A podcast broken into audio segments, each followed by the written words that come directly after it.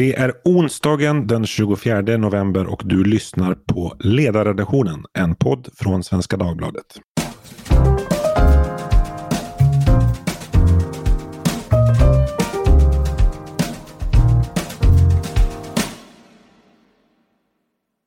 Idag ska vi prata om de som har svårt att ta sig in på bostadsmarknaden. Eh, för så är det. Numera krävs det ofta hundratusentals kronor för att kunna köpa sig tak över huvudet eh, i kontantinsats. Och samtidigt är hyresmarknaden både stängd och låst för många. Den som varken har pengar eller kötid har väldigt svårt att få en bostad helt enkelt. Eh, vad man kan göra åt det här och vad det eh, beror på och hur ut, det här har utvecklats, det tänkte jag diskutera idag med två personer. Den första är Pernilla Parding som är programchef för programansvarig för socialt hållbara bostäder på Stockholms Stadsmission. Som eh, just nu har ett eh, spännande projekt som vi ska prata lite mer om. Eh, och så har vi också med oss Martin Lindvall som är samhällspolitisk chef på organisationen Fastighetsägarna och som har arbetat under lång tid med bland annat den här typen av frågor. Välkomna båda två. Tack så mycket. Tack. Du, jag tänkte börja med dig eh, Pernilla som jobbar på Stockholms Stadsmission och möter hemlösheten i alla dess former. Hur ser hemlösheten, även om du har ett liksom Stockholmsperspektiv så tror jag att du också har bredare erfarenheter. Hur, hur skulle du beskriva hemlösheten i Sverige och hur har den förändrats de senaste, ja, säg 10-15 åren?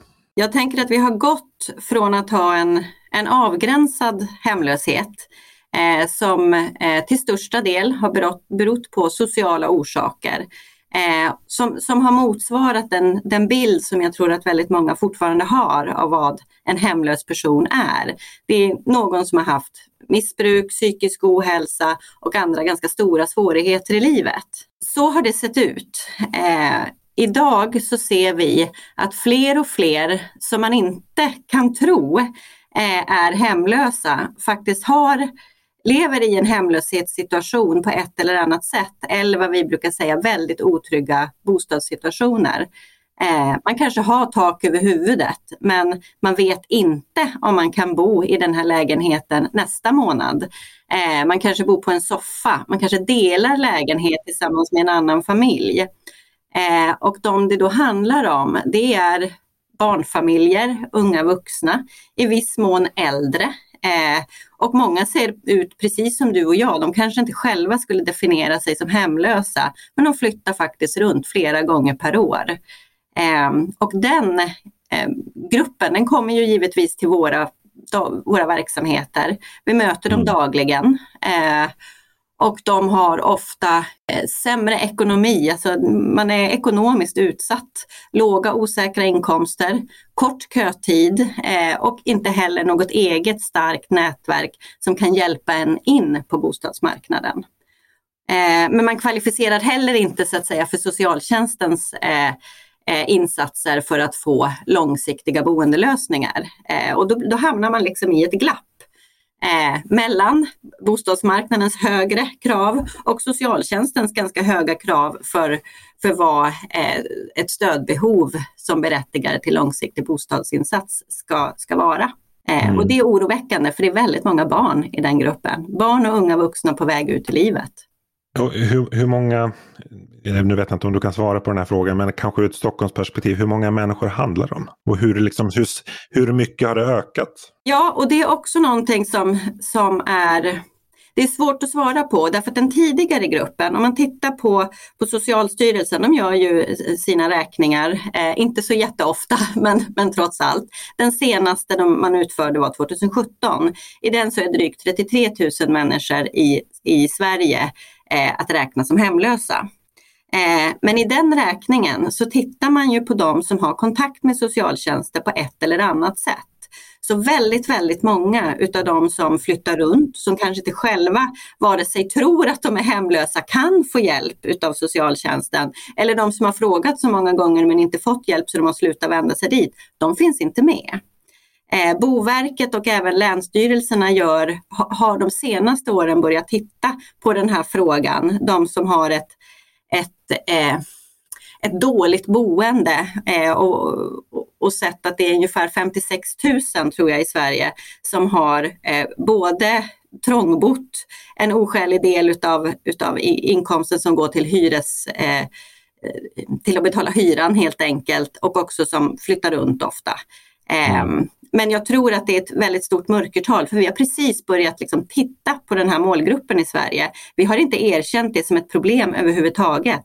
Så det, jag, jag skulle tippa på att det är långt många fler eh, som, som står utanför bostadsmarknaden och bor eh, på ett sätt som, som vi eh, inte vill att vi ska ha i vårt land idag. Martin, du har ju både skrivit och pratat en hel del om det som Pernilla beskriver, alltså det som ibland kallas för strukturell hemlöshet. Alltså eh, om den klassiska bilden av en hemlös person är en, en person med missbruksproblematik, sjukdom, eh, sociala problem av olika slag. Så är det nu den här andra gruppen som egentligen då bara främst lider brist på två saker, besparingar och eh, kötid. Hur stort är problemet enligt dig? Alltså, jag, jag tycker det Pernilla säger om mörkertal är oerhört viktigt för det här och, och, man måste komma ihåg att det här, det här är, det är liksom en röstsvag grupp.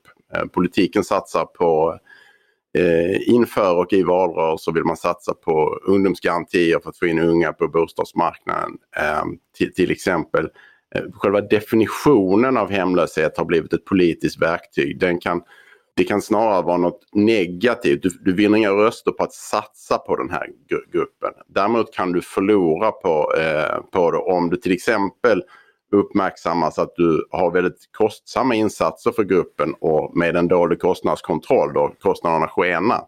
Då blir det intressant att börja definiera om grupperna som man jobbar med. Och där ser vi exempel på från i Malmö till exempel där kostnaderna skenar och då har man ju helt sonika definierat bort de strukturellt hemlösa från sin hemlöshetsstatistik och från de insatser man, man arbetar med. Utan de, då blir det akut lösningar för den gruppen och de långsiktiga lösningarna de eh, förbehåller man den grupp som Pernilla beskriver som den traditionella gruppen med eh, social problematik, eh, missbruksproblematik och liknande i, i, i botten. Medan vi vet från de senaste åren att det är ju tvärtom i den strukturellt hemlösa, det är ju den grupp som växer mest, eh, både som andel och antal. Eh, hur, hur, mycket, har, hur mycket har den växt? Vad, vad vet vi? Ja, här, här har vi lite av problemet. Eh, Socialstyrelsen tittar på det, gör beräkningar en gång var sjätte år. 2017 den senaste. Vi får alltså vänta till 2023 på nästa. Eh, enskilda kommuner eh, har gjort vissa försök men då, då, då kommer man in i den här problematiken. Vad vill kommun X definiera som hemlös? Vilka, vilka kriterier använder de och vilka kriterier använder kommun Y? Och där kan ligga liksom en politisk agenda bakom det också. Eh, därför är jag ju oerhört positiv till det initiativ som ändå tas. Jag tror det kommer en proposition i december om en beräkning av bostadsbristen. Man beräknar bostadsbehoven. Här har Boverket tagit fram en en, ett underlag som kan användas som beräkningsmodell ute i kommuner och eh, eh, regioner för att titta på hur ser det faktiska, faktiska bostadsbehovet ut på orten. Och då hoppas jag att man därigenom kan få uppdaterade statistik på hur behoven faktiskt ser ut. Mm. Vilka är akut hemlösa? Vilka är i begrepp att bli hemlösa? Vem är särskilt utsatta? på bostadsmarknaden. Vem bor men får egentligen inte sina verkliga bostadsbehov mötta? De här grejerna kommer vara oerhört viktiga att jobba med framöver. Det, det funkar inte bara att komma en gång var sjätte år. Där man dessutom ska komma ihåg att det är ju en ögonblicksbild. Man tittar, om mm. jag minns rätt, på en vecka. Den här veckan, det här året. Eller är det en dag till och med? Nej, eh, det är en vecka tror jag, är det faktiskt. Pernilla beskriver att det här är ett, den här strukturella hemlösheten är ett problem som man inte har velat erkänna. Jag vet inte om det syftar på politiken eller eh, samhället i, i, stort. Men vad, de, delar du den bilden Martin? Ja, alltså, mm, ska inte vara onödigt orättvist mot politikerna men det är naturligtvis där ansvaret ytterst ligger. Men man är ju bredare än så. Det är ju som bostadsfrågor eh, i, i allmänhet. För de flesta är bostadspolitik inte jätteviktig. Man bor ganska bra under ordnade förhållanden. Det kommer en period då barnen ska flytta hemifrån då man svär lite över att det är svårt att komma in på bostadsmarknaden. Sen löser det sig och då släpper man frågan igen. Det är ju ett av skälen till att bostadspolitik aldrig eh, är, eh, ligger särskilt högt på agendan i en valrörelse eller överhuvudtaget. Jag, jag, tänker att vi också har, vi har haft det ganska bra. Det är ett, ett nytt, liksom så här, ett nytt problem på, på, det att det har växt. Så nu har det blivit ett problem. Eh, det är inte längre bara en marginaliserad grupp. Eh, och det, eh, jag vet inte om, om, om, vi ska vara snälla mot oss själva som har haft skygglapparna på, eh, politiker eller gemene man. Men, men nu är det dags att vi tar tag i problematiken. För det här, att inte ha ett hem, det vill jag verkligen understryka. För det första, bostad är en mänsklig rättighet. Vi har i vårt land kommit överens om att Agenda 2030 eh, ska vi, ska vi så att säga åta oss att följa. Eh, hållbara städer är ett av målen. Och att sakna ett hem, att inte ha ett stadigvarande boende, det påverkar i stort sett hela ditt liv. Eh, det, det försämrar dina möjligheter till att klara studier, till att klara arbete, till att uppfostra dina barn. Eh, och det i sin tur eh, Eh, försämrar ju givetvis möjligheterna för ett starkt samhälle där alla har möjlighet att delta på lika villkor. Men eh, även om det här är ett nytt problem så är det ju inte eh, ett eget problem. Alltså, eh, de, I de flesta samhällen så finns det liksom en, en grupp som av egen kraft har eh, svårt att ta sig in på eh, bostadsmarknaden. Eh, I de flesta länder, så, eller åtminstone i många länder, så finns det det som kallas för en social bostadssektor. Alltså att man har en del av bostadsbeståndet som är öronmärkt för, ja men som är delas ut efter behov om man ska eh, kalla så. det, det är en del av det hela. Eh, Sverige saknar ju det här. Var, varför har Sverige inte en social bostadssektor, Martin? Ja, alltså, jag tycker att Sverige har en social bostadssektor. Men har en otillräckligt utvecklad social bostadssektor skulle jag snarare säga. För det finns ju inslag naturligtvis eh, av det. Om man ser en social bostadssektor som att samhället eller det offentliga tar ett ansvar för att, eh, för att eh, lösa ett bostadsbehov åt enskilda individer och där man hjälper till att finansiera och också säkerställa att det finns en urvalsprincip för det.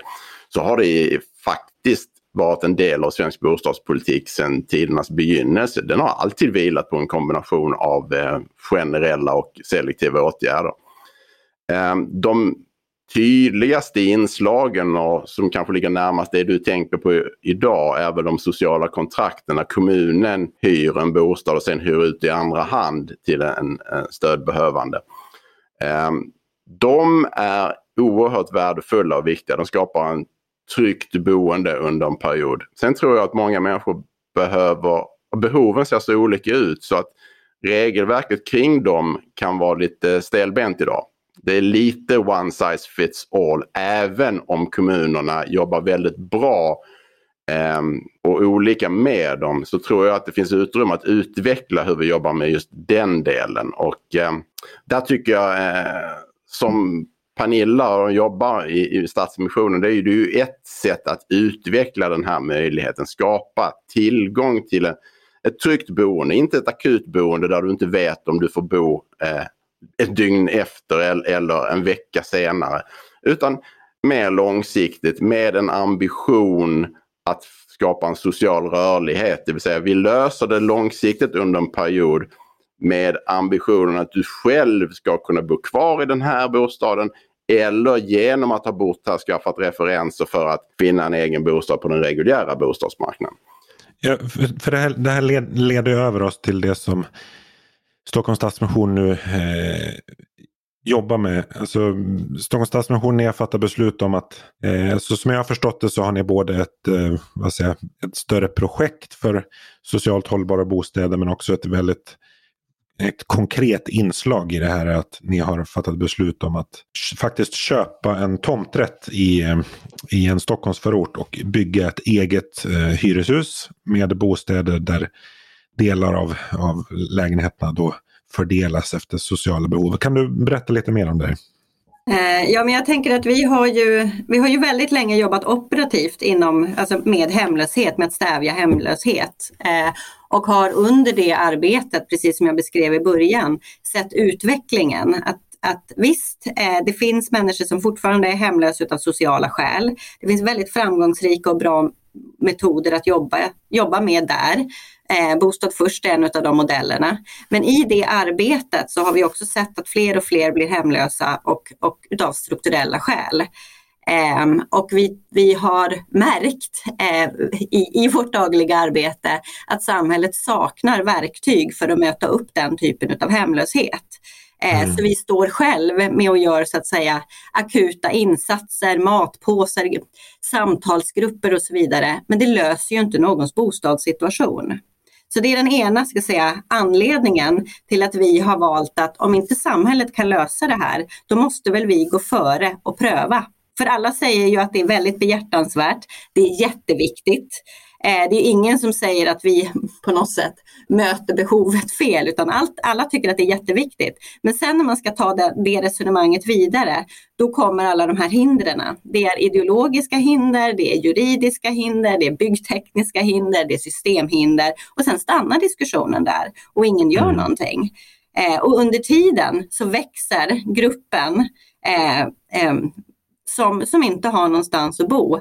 Barn som flyttar runt tre, fyra gånger per år. Det är, det är liksom orimligt att ha det så när vi egentligen skulle kunna lösa det här.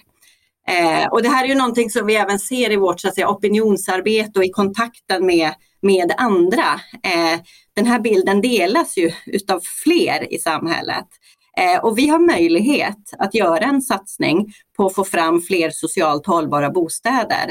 Eh, så det, så det har vi tänkt att göra. Det här projektet du nämner, det, det är det första tydliga, men vi hoppas eh, få fram fler möjligheter och fler pilotprojekt eh, med socialt hållbara bostäder. Du ville kommentera något här Martin? Ja, jag tycker det är jätteviktigt det som Pernilla nämner här om ideologiska hinder och att begrepp, eh, begrepp skrämmer och så. Och det där är ju... vad, vad, vad, är det för ideologiska hinder? Alltså det, det, det farliga ordet vi, vi landar här är ju social housing eh, i, i någon mening. Och vad vi, ett, ett av problemen till att vår sociala bostadssektor inte är mer utvecklad är, är, är ju lite att vi är ju så oerhört angelägna i Sverige om att mappa in alla former av lösningar i den bostadspolitiska modell som har gällt väldigt länge. Därför måste prisbildning och prissättning för de som bor i, i de billigare hyresrätterna, den ska in i bruksvärdessystemet. Den får inte sättas vid sidan av utan den ska in, inga undantag. Um, urvalsprinciperna, den ska passa det generella. Inte kan vi väl ha system där folk går före i kön. Eh, då tänker vi sovjetiskt att har jag stått i, i bostadskön så här många år ska ingen jävel före mig. Um, och, alla de här sakerna krockar ju trots som jag nämnde, att vi alltid har byggt bostadspolitiken på en kombination av selektiva inslag och eh, en, en, en generell um, politik. Och jag brukar kalla det etiketternas förbannelse. Så fort någon föreslår något nytt så kommer någon leta efter stoppordet. Eh, talar vi hyressättning då skriker någon marknadshyra och då spelar det ingen roll var, hur förslagen ser ut. Är vi på det här området kommer någon att skrika social housing och plötsligt är det inte intressant att diskutera innehållet längre. Vi diskuterar inte vilka behov eh, ett förslag är tänkt att möta utan hur förhåller det sig till den svenska modellen? Eh, och så är det det som skrämmer oss. Det där, det, det där är ju problemet som jag möter när jag diskuterar det här med politiken. Som Pernilla säger, man är överens om problembilden i, i mångt och mycket man är överens om lösningar. Jag kan beskriva olika sätt man skulle kunna jobba på. Ja, det låter intressant och det skulle man vilja jobba vidare med Tills någon knackar dem på axeln och säger Fast är inte det där social housing? Och så back, ryggar man fem meter. Och då, ja, och social housing, då associerar man det med typ nedgångna tegellängor i Storbritannien på, på 70-talet. Alla misstag som begicks på 60-70-talet, ja. Pernilla, hur, hur, hur ser de vad säger, ideologiska eller de här spärrarna ut enligt dig? Jo, men det är väl delvis så som, som Martin beskriver. Jag vill ändå säga att det, det, finns, eh, det kanske finns en, en moralaspekt i det hela också, eh, som, som inte bara är, är politisk utan, utan lite till mans. Och då ska någon få gå före kön? Det, det, det, är nog ganska djupt rotat i vår, vår svenska själ, tror jag. Att det ska vara väldigt mm. rättvist, lika för alla. Eh, men jag skulle vilja någonstans besvara det med en motfråga. För frågan borde egentligen vara vilket samhälle vill vi ha? Eh, hur vill vi att människor i vårt land ska bo och få en plats? Eh, och om vi ställer oss bakom att bostad är en mänsklig rättighet, ja men då kan vi behöva så att säga behovspröva för en del för att de annars inte kommer in. Eh, men vi, vi börjar liksom i fel ände när vi diskuterar eh, bostadsfrågan. Och ibland brukar jag jämföra med, med vi har ju väldigt mycket satsningar på att alla ska komma ut i arbete. Och det är ju givetvis superviktigt att folk har ett, ett jobb att gå till. Eh, men det är faktiskt lika viktigt att man har ett hem att komma hem till. Men det är, jag tror det är väl ett, ett par år sedan som Stockholms Stadsmission liksom formellt tog ställning för att Sverige behöver en, en liksom utvecklad social eh, bostadssektor. Ehm, alltså utifrån det vi har pratat om här, att det är ideologiskt laddat och många har associationer. Alltså, hur, hur svårt var det beslutet att fatta för Stockholms Stadsmission? Alltså hur mycket diskussioner föregicks det av? Jag tänker så att vi, vi jobbar på, vi är en helt opolitisk organisation och vi jobbar på uppdrag av våra deltagare. Eh, I det så ser vi till deltagarnas behov eh, och eh, försöker då eh, få fram, både hos oss själva men även i, i samhället, sociala insatser som svarar mot de behoven. I det blir vi mm. väldigt pragmatiska. Så vi tar egentligen inte ställning i ska säga, den politiska debatten där man gärna kanske ändå vill knuffa in oss på ena eller andra sidan. Eh, det är deltagarnas behov utav en trygg bostad som för oss är det primära. Eh, så, så jag kan tycka att det är olyckligt att man liksom hamnar i, i pratet om social housing. Eh, jag vill hellre se det som att... att Varför då? Där, därför att då stannar man vid den frågan och så kommer man inte till lösningarna. Eh, för oss mm. är det mm. lösningarna som är det intressanta. Eh, och och vi, vi tror ju mer att eh, ja, men det behövs socialt hållbara bostäder. Och med det menar vi vi behöver bostäder som är lågt prissatta eh, och där de matchas till de som har stora behov som blir, blir utan i dagens system. Eh, och vi tänker inte att det ska vara hela fastigheter med fattiga människor som bor liksom på ett särskilt område. För det är klart att det blir ju inte bra. Det blir inte bra för området och det blir heller inte bra för individen. Återigen, det är individen vi jobbar för. Här ska det mm. finnas möjlighet att göra en en, så att säga, en resa att återfå egenmakt och, och eh, komma närmare samhället. Vi har, vi har ju samma ingångsvärde i, i, i den frågan. Eh, vi som organisation driver ju inte på, på för social housing som sådant. Alltså att begreppet ska slå igenom eller att vi ska ha ett systemskifte i den riktningen. Eh, jag gör det inte personligen heller, även om jag ibland uttänks som någon slags banerförare för, för social housing eh, i, i, Sverige. Utan det är ju faktiskt den, de förslag, de metoder, de verktyg som möter de faktiska behoven. Och där är jag övertygad om att den selektiva delen som Pernilla beskriver måste vara stark för vissa individer, för vissa hushåll. Eh, och där är det, den, den ju viktig och det är lite där jag hoppas att diskussionen går in. För var vi har hamnat lite nu är, jag förstår att vinmodellen blir oerhört populär att diskutera i, i Sverige. För vin har gjort, jag brukar kalla det liksom middle income housing. Nu pratar vi alltså inte om drycken vin utan om staden Wien som har ett väldigt utvecklad politik för... Ja, de, de får ju mycket, mycket uppmärksamhet het i svensk bostadspolitisk debatt att vi borde göra så för, för där, där, byggs det mycket och där är det lätt att få en, en, en hyresrätt sägs det. Ja men de, de har ju gjort lite vad vi gör i Sverige och som jag möter många i den bostadspolitiska debatten som säger att de vill göra utan de vill ju att bostadspolitiken ska ta sikte på normalinkomsttagarna. Den mm. breda mitten eh, om vi tar liksom i, i, inkomstmässigt. Och vad Wien har gjort är ju att man har träffat den här gruppen ganska väl. Eh, sen beskrivs, tycker jag, deras system slarvigt ofta i, i debatten. Men, men, man har träffat den här gruppen ganska väl. Men de mest utsatta i Wien, de faller utanför minst lika mycket som i Sverige. De, de ingår inte i, i, i, i uh, staden Wiens uh, system utan de hamnar utanför de här bostäderna. De hamnar mm. i det som internationellt brukar kallas slumlords på en privat marknad.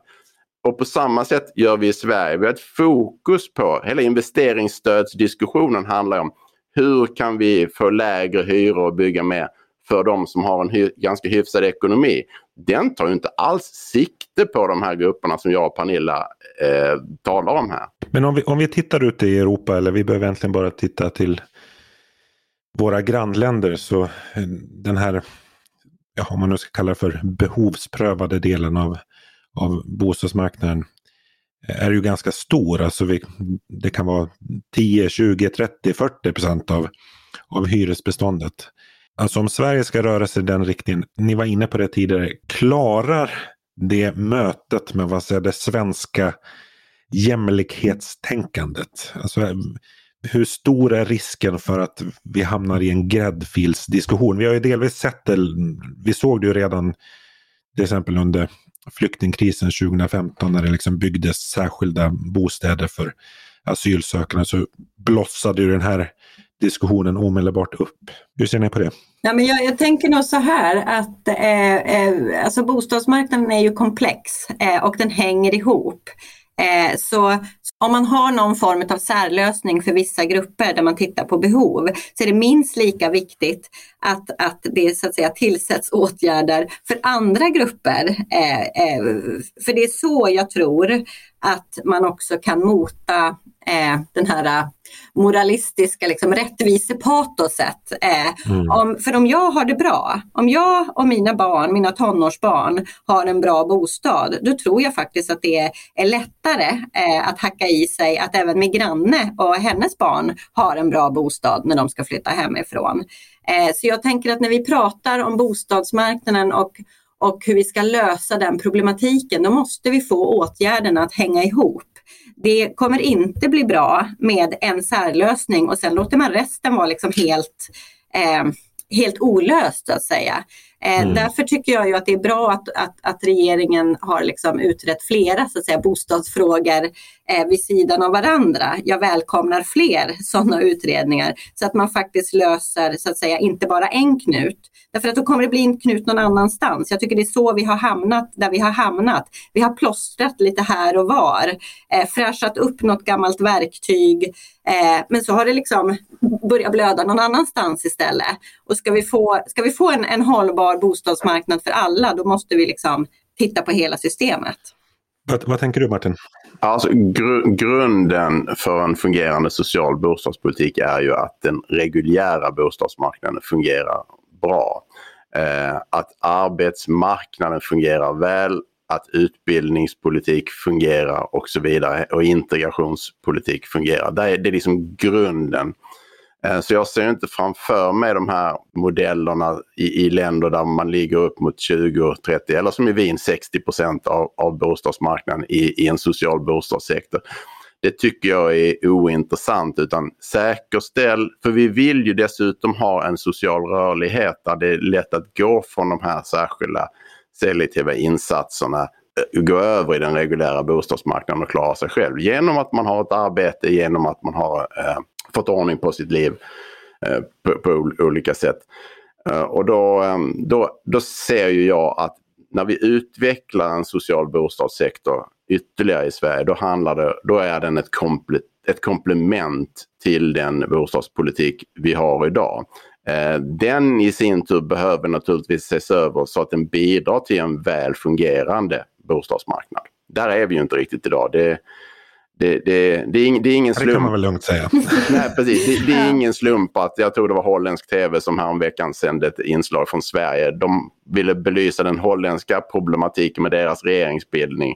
Och då åkte de till Sverige och konstaterade att okay, det fanns en bostadsmarknad som fungerade sämre än deras. Då kunde man lugna lugna tittarna lite. Ja, nej, men jag håller med, det är, inte, det är inte den typen av systemförändring utan snarare så här, vi behöver ett komplement så att det som fungerar, för man får väl också säga att, att för väldigt många fungerar det väl och det ska vi ju värna om. Eh, men det behöver ett komplement så att den så att säga, generella bostadsmarknaden eh, eh blir, blir intakt igen, att det fungerar. Men rent politiskt så har det ju ändå hänt eh, lite grann på eh, senare år i de här frågorna. Vi har flera partier som har på olika sätt öppnat för en, en social, en större social bostadssektor. Eh, och vi har även en, en utredning som eh, i alla fall delvis tittar på eh, de här frågorna som leds av före detta ministern Carolina Skog. Vad, vad, kan vi förvänta oss de närmaste åren? Vad tror vi kommer hända? Jag tror att eh, nu, nu var Liberalerna först på bollen får man, får man väl säga med att föreslå eh, sina behovsbostäder. Jag, om jag har följt och, och läst politiken rätt de senaste åren så gick det från för några år sedan då man sa att vi har, det är sant Martin, vi har eh, bortsett från den här frågan. Vi har inte eh, tagit den på tillräckligt allvar till att man idag eh, ser problematiken och nu behöver man få igång en diskussion om hur förändrar man politiken rent faktiskt. Eh, Liberalerna var först som sagt, ja, den arbetsgrupp inom Socialdemokraterna som tittade på det här ändå för några år sedan under ledning av Lennart Weiss var ju ändå inne på en del intressanta lösningar. Det fanns en lite tveksamhet även där om hur långt man vågade gå men man hade ju inriktningen fullt klart för sig. Liksom det behövs mer av selektiva lösningar men man behöver vara tydlig med att med bortre gränser så att man säkerställer att det inte blir någon instängningseffekter eh, i, i den. Jag ser att fler och fler partier kommer att eh, bejaka, tror jag, sådana här eh, olika lösningar. Bara de slipper kalla det social housing, det, det är väl lite nyckeln. Då ser de vilka behov är det faktiskt som ska mötas och vilka verktyg behövs för att möta de behoven. Det finns ju, och det glömmer man ofta bort, det finns ju en alternativkostnad. Alla som är intresserade av hur den ser ut är välkomna att åka ner och prata med Socialdemokraterna i Malmö och, och, och fråga dem hur de tycker att det är att hantera mm. det när man har när man har tappat kontrollen lite över problematiken. Och det, um... vad, vad tror och hoppas du Pernilla? Ja, jag hade ju faktiskt förmånen att få delta på en konferens eh, som heter Socialt byggande eh, förra veckan. Där Carolina Skog eh, som leder den här utredningen då meddelade att hon vill föreslå främjande åtgärder för en idéburen bostadssektor. Jag gillade mm. det mycket. Eh, exakt vad hon lägger in i begreppet, det det eh, utredde vi inte, men jag tänker att det öppnar upp för dels ett annat sätt att tänka. Eh, jag jobbar ju i idéburen sektor så att jag är ju partisk i detta. Men jag vill mena att vi har mycket som idéburna organisationer, inte bara vi på Stockholms Stadsmission givetvis, att, att, eh, att erbjuda samhället i lösningar på bostadssektorn. Det har vi liksom inte gjort tidigare, så för mig var det ett nytt och, vad är det man säger nu för tiden, lite krispigt sätt att titta på den här saken. Eh, och jag ser att här har vi faktiskt en möjlighet att göra någonting riktigt bra vid sidan av mindre bogemenskaper och så vidare. Jag tror att vår bostadsmarknad behöver flera typer av initiativ.